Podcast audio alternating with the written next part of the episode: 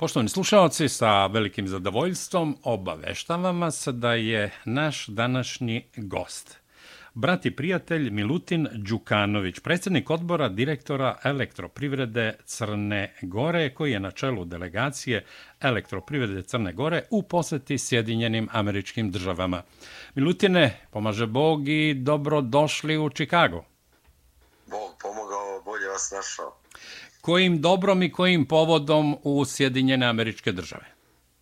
Pa, teme su vezane za energetiku. Mi smo, čini mi se, prva delegacija iz elektroprivrede koja poslovno posjećuje Ameriku. Ja se malo šalim i kažem da ne ide da gleda vaterpolo ili tako nešto da. Imamo, imamo ozbiljne projekte. Prošle godine u novembru mjesecu mi smo s američkom kompanijom UGTR i Hyundaijem pod pokroviteljstvom premijera i američke ambasadorke u Crnoj Gori gospođe Rajke pospisali memorandum o saradnji i planirani su veoma značajni projekti, tiču se velikih solarnih elektrana, tiču se i određenih skladišćenja električne energije iz obnovljivih izvora i na poziv naših prijatelja. Mi smo došli u Sjedinje američke države, imali smo sastanke u New Yorku, također predstavnici UGTR-a su nas upoznali, održali sastanke sa predstavnicima određenih finansijskih institucija, pokotovo ističem ovu ING banku koja finansira te projekte i oni su, prilike, ti projekti su ipak vezani za i američku državu. Nije to državni fond, ali su i tekako kompanije i finansijske institucije koje slijede, možemo reći, ekonomsku politiku Sjedinjenih država. I nama je to zadovoljstvo da imamo mogućnost da se njima sarađujemo i to bi bilo veoma značajno za Crnu Goru. Proizvodnja električne energije iz obnovljivih izvora zaista je projekat budućnosti, ali nažalost u prethodnom sistemu i vlasti koju je ličavao DPS, oni to jednostavno nijesu radili i ja se često našalim i kažem da je nama startna pozicija odlična. Nemamo ni jednu solarnu elektranu. Ni da, Milutine, izvinjavam se, izvinjavam se, Milutine, kad kažete DPS, dakle, treba biti precizan, Demokratska partija socijalista Mila Đukanovića. Tako je, Demokratska partija socijalista Mila Đukanovića nije napravila ni jedan kilovat električne energije iz, na potencijalu sunca i vjetra i to je zaista nečuveno. Mi smo Za Crnu Goru koja ima neverovatne potencijale. Koja ima neverovatan potencijal i to je prilika za razvoj čitave Crne Gore. Zato mi često kažemo elektroprivreda treba da bude lokomotiva privrednog razvoja. I pokrenuli smo projekte, mi smo već na preko 3000 krovova kod naših potrošača instalirali solarne elektrane od 3 kW do 900 kW, već se prešlo 30 MW, ali želimo i da radimo ove velike projekte i zato nam je saradnja sa UGT-om i Hyundai vrlo značajna. I imat ćemo stabilno i finansiranje. Mislimo da je to projekat od istorijskog značaja za Crnu Goru. I drago nam je što su te kompanije prepoznale elektroprivredu Crne Gore kao, čini mi se, potencijalnog i pouzdanog partnera. Također, posle tih sastanaka, sa našim domaćinima posjetili smo najveći sajam e, da energetike koji su proizvodnje električne energije za obnovljivih izvora u Las Vegasu. Tamo smo se sreli sa zaista renomiranim kompanijama od Next Trackera, Tesle i da ne nabrajam već koliko je, je bilo. Upoznali se sa novim tehnologijama, posjetili jednu veliku solarnu elektranu 20 km od 20 km od Las Vegasa gdje su primijenjene najmodernije tehnologije u oblasti proizvodnje električne energije iz eh, solarnih izvora. Također danas ćemo i ovdje u Čikagu imati radne sastanke. Uglavnom čini mi se da to ide, što se privrede tiče, u dobrom pravcu.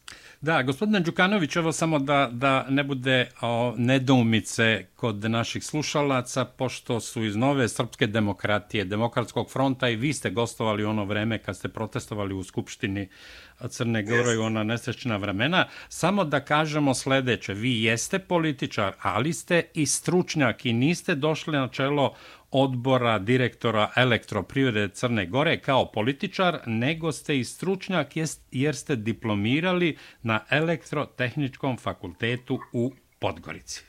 Tako je, potpuno ste u pravu. Ja, prije, ja sam postao poslanik 2012. godine, od 2015. bio sam predsjednik kluba e, poslanika Demokratskog fronta i čitavo vrijeme do 2020. bio sam baš ono što se kaže posvećen tim gorućim temama koje život znače kad nam je bila ugrožena i nacija i vjera i sve što je imalo pridjev srpskog u Crnoj Gori za vrijeme vladavine Mila Đukanovića bilo brutalno napadnuto. Iz te, da kažem, bitke, moram je tako nazvati, mi smo izašli kao pobjednici, a prije toga ja sam radio 20 i nešto godina također u elektroprivredi i vratio sam se da pokažemo da mi Srbi, osim što smo odgovorni u vođenju nacionalne politike i tekako znamo da se bavimo ekonomskim i privrednim temama. Da, gospodine Đukanoviću, treba reći da ste vi bili i u ovom sazivu poslanik Skupštine Crne Gore, ali ste podneli ostavku. Jeste, izabran sam i na ovim izborima posljednjima, ali ne zbog nespojivosti funkcija ja sam podnio ostavku na mjesto poslanika i želimo još da se posvetimo privredi. Zaista Crnoj Gori su potrebne investicije.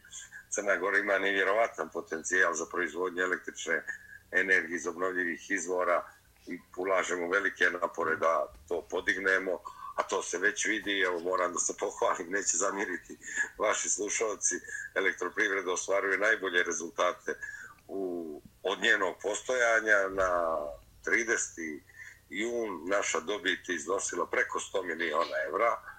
Ubijeđeni smo da ćemo do kraja godine taj poslovni rezultat povećati i mislim da pokazujemo svima kad se odgovorno i stručno radi da ima nade da se ide i naprijed. Da, mi smo u vestima neki dan ili čini mi se da je govorio o, gospodin Mandić na tu temu. U vreme režima Mila Đukanovića prihodi elektroprivrede Crne Gore su bili daleko, daleko manji. O čemu se radi? Pa mi mislimo da, pa evo, dovoljan je podatak da je posljednji izvor električne energije, da je ga elektroprivreda napravila bilo 1982. godina, kad su napravljeni posljednji kilovati, odnosno megavati proizvodnje. Mi smo samo u posljednjih godinu dana već instalirali preko 30 megavati solarnih elektrana, nastavljamo i nove projekte, radit ćemo na stotine na stotine megavata i kažemo, i to su jednostavno razlozi i takve, takvi zbog čega ova vlast Mila Đukanovića zaista za 40 godina da ne naprave 1 kW novog izvora električne energije, to dovoljno govori koliko su oni vodili računa o privrednom razvoju Crnega. Da, gospodine Đukanoviću, pre nego pređemo i na političke teme, jer to će biti deo neodvojivi deo našeg današnjeg Neodvojiv. razgovora. Da, da kažemo da je danas veliki praznik, praznik Dan srpskog jedinstva, slobode i nacionalne zastave koji se obeležava na dan kada je 1918. godine probijen Solunski front. Izvolite. Pa to je dan koji služi svima na ponos nas Srba, ima u velikom broju, ne žive svi Srbi. U Srbiji ima puno i u Republici Srpskoj, Crnoj Gori, i da ne govorim evo i u Čikagu, kažu posle Beograda najveći srpski grad i Tako bez je. obzira gdje se mi nalazili, u kojoj državi živjeli, mi baštinimo iste vrijednosti. Svi smo mi pripadnici Srpske pravoslavne crkve. Trobojka crveno-plava i bijela je zajednička za sve Srbe gdje god žive i danas sa zadovoljstvom mogu da kažem da je na velikom broju objekata, u Srbiji se podrazumijeva, ali u Crnoj Gori i u Republici Srpskoj istaknuta trobojka koja još jedno simbolizuje naše jedinstvo. Da, gospodine Đukanoviću, Formiranje 44. vlade Crne Gore. Mnogo, da kažem, narodski peripetija i problema. Mandatar Milojko Spajić. A, prosto, neverovatno da i ovoga puta sve se čini da Srbi, odnosno za budućnost Crne Gore, ne uđe u vladu Crne Gore, iako je ima respektabilan I iako je zabeležila, ajte da tako kažem, respektabilan rezultat na posljednjim izborima. O čemu se tu radi, dokle više ta antisrpska histerija, ne samo u Crnoj Gori, nego i šire? Pa, to očigledno da su političari, da očigledno da političari u Crnoj Gori pri, potpadnu pod uticaj određenih centara van Crne Gore, mi to kažemo, ambasada i mislim da ti političari to zloupotrebljavaju stavove određenih ambasada i predstavnika međunarodne zajednice i da to koriste za unutar političku borbu u Crnoj Gori. E, Andrija Mandić je na predsjedničkim izborima dobio gotovo 70% glasova Srba. Znači, Andrija je dobio po 20%, Srba ima 28% koalicija za budućnost Crne Gore je dobila preko 15, dobila je oko 15% glasova, a Srba ima 28,7%. Znači dobili smo preko 50% Srba. I neupitno je da smo potpuno legitimni legalni predstavnici srpskog naroda. Problem u Crnoj Gori je u tome što se u kampanji priča jedna priča, pa posle izbora druga. Da je Milojko Spajić u kampanji saopštio da će on prije preferirati koaliciju sa, da kažemo, satelitima DPS-a Mila Đukanovića, vidjeli bi koliko bi on glasovao. To, i za druge subjekte to važno. U Crnoj Gori jednostavno jeste, to je antisrpska histerija, ali to je i antidemokratska histerija. I tu se radi o elementarnom poštovanju, kršenju poštovanja demokratskih principa izađite na izbore pa kažete nećete sa koalicijom za budućnost Crne Gore, hoćemo sa satelitima Mila Đukanovića, Bošnjačkom strankom, HGI-om, strankom Forca, hoćemo, razmišljamo i o SD-u Ivana Brajovića, sad Amira Šehovića, pa da vidimo koliko ćete glasova dobiti. Pred izbore se priča jedna priča i posle toga neko zaboravi jednostavno kakva je narodna volja mi ih uporno pozivamo da vladu trebaju da formiraju stranke pobjednici od 30. augusta. Jer u tom duhu se vodila i kampanja. Niko nije od tih stranaka spomenuo ni jednom riječu da bi potencijalno mogao neko drugi da, da parlamentarnu većinu. Ali mislim da gospodin Spajić nema dovoljno iskustva. Mi ga pozivamo da se ti pregovori resetuju, i vrlo je jednostavno formirati vlast. Poštuju se demokratska načela i standardi kako se poštuju svi zapadni demokrati. Ali neko hoće da kombinuje mimo narodne volje. Mi još jednom poručujemo, ne treba se igrati sa tim stvarima. To mogu biti opasni presedani. Vidjeli smo kako je završila vlada Zdravka Krivokrpića, da Zdravko koji je bio, gospodin Krivokapić, izvinjavam se, koji je bio na čelu liste e, za budućnost Crne Gore, u jednom momentu koja je dobila 27 poslanika, više od dvije trećine vladajuće strukture, nije imao podršku ni jednog poslanika. I evo vidjeli ste, gospodin Vukšić je imao stranku na ovim izborima, to je bila stranka Zdravka Krivokapić i dobili su u koaliciji pet stranaka manje od 1% znači da se poštuju demokratski principi i standardi, to je suština procesa formiranja vlada. Neko se očigledno zaboravi, neko želi da uzme više nego što mu je narod dao, to nije fair, to nije demokratski, u krajnjem to nije pošteno. Da, gospodine Đukanoviću, ono što upada u oči, naravno, kada je u pitanju javnost i javne izjave, to je da je novi predsjednik Crne Gore, koga su podržali i Nova Srpska demokratija i Demokratski front i tako dalje, jer Jakov Milatović ne bi dobio izbore protiv Mila Đukanovića da nije bilo te podrške. Pa da u oči da predsjednik Crne Gore Jakov Milatović ima drugačije mišljenje o formiranju vlade u odnosu na Milojka Spajića, koji je predsjednik pokreta Evropa sad, a gospodin Jakov Milatović je podpredsjednik ovog pokreta. Pa to vi ste samo konstatovali ono što se i nama u Crnoj Gori čini kao jedna činjenica da gospodin Milatović ima drugačije gledište, ali gospodin Spajić ima problem da dođe do broja 41. To je strateški. To je znači do većine od 41 poslanika u Skupštini. Jeste, Skupština Crne Gore ima 81 poslanika, 41 je većina i pokušava raznim kombinacijama da se to napravi, to teško ide i da formira takvu vladu, ta vlada ne može dugo da traje i nažalost odustalo se od nekih elementarnih demokratskih postulata, otišlo se u nešto do sad neistraženo u procesima izbora i procesima formiranja vlada. Mi kažemo još jedno, vratimo se 30. avgustovskoj većini formirajmo vladu na demokratskim principima. Je to teško? Postavljamo pitanje. To je ljudi koji misle da je politika kombinatorika. To riješe, to može da uspije, ali vrlo kratko i takvi subjekti nestaju prilike za političke scene.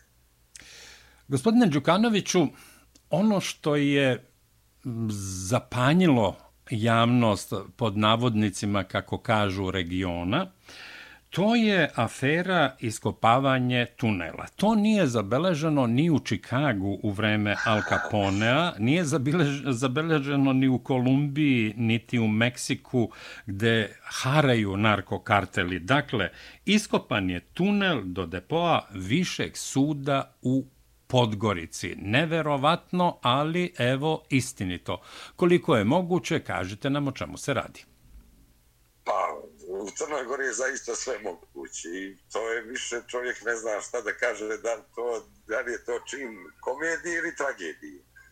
Zaista je nevjerovatno to što se desilo, ali imamo od 30. augusta 2020. sudska vlast, tužilaštvo, to gotovo nije tako. Dan danas DPS u sudskom sistemu ima sve svoje ljude. Mi su u Crnoj Gori često šalimo i kažemo što je sudija na većem položaju, više je korumpiran. Najpoštenije su sudije sudova za prekršaje. I imamo to što imamo. Evo danas kažu kada je bilo renoviranje suda, da se tada kopao taj tunel, pa to nije moglo bez ozbiljnih stručnjaka da se radi, a ozbiljne stručnjake znamo ko se bavio gradnjom i šta se, ko je sve gradio po Crnoj Gori. Mi dan danas imamo malte ne netaknu taj sistem u pravosuđu. Glavni ljudi na čelu sa Milom Đukanovićem, nije još se nikog udostojio da Mila Đukanovića pozove da da izjavu jer da da jednu izjavu da vidimo o čemu se radi kao on je bio van sistema, sve je on to kreirao, sve ide to od njega očigledno da nijesu dobro izračunali, da mogu izgubiti vlast, pa onda se desilo to, pa su morali da kopaju tunele, a očigledno prije toga su iznosili dokumentaciju na potpuno lagan i lagodan način i sad se dešava što, to što se dešava, imamo i film Čudo neviđenje. Da, danas je održana sednica Saveta za bezbednost Crne Gore kojim je predsedavao premijer u tehničkom mandatu Dritana Bazović. Da, čuo sam, pročitao sam izjave gospodina Bazovića.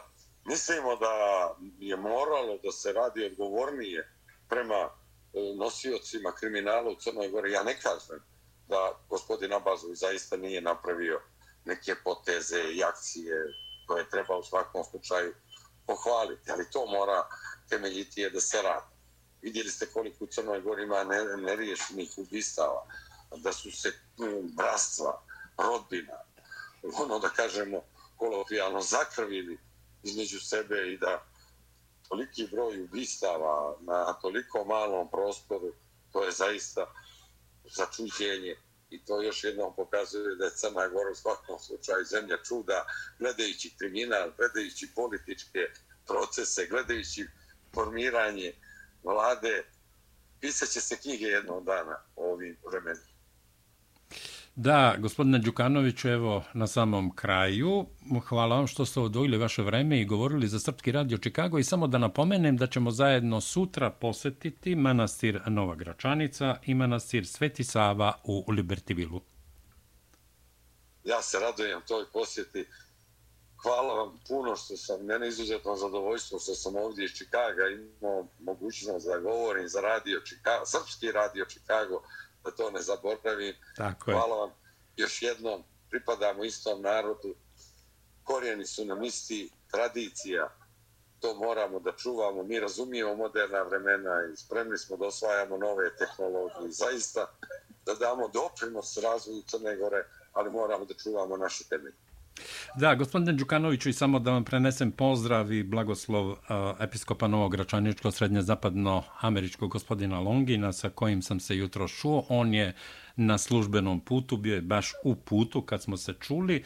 On neće biti sutra u manastiru, ali biće tu iguman Sergije, biće iguman uh, Serafim, tako da ćemo u svakom slučaju imati lep prijemi, lep obilazak naših svetinja Biće mi zadovoljstvo, jedan od ljepših događaja u mom životu. Hvala vam puno što ste mi ukazali čas da gostujem na Srpskom radiju Čikago i sutra se raduje posjetim i Gračanici i Liberty. A, hvala vam od srca, poštovani slušalci, poštovani pratioci našeg YouTube kanala. Naš dragi gost bio je gospodin Milutin Đukanović, predsjednik odbora direktora elektroprivrede Crne Gore.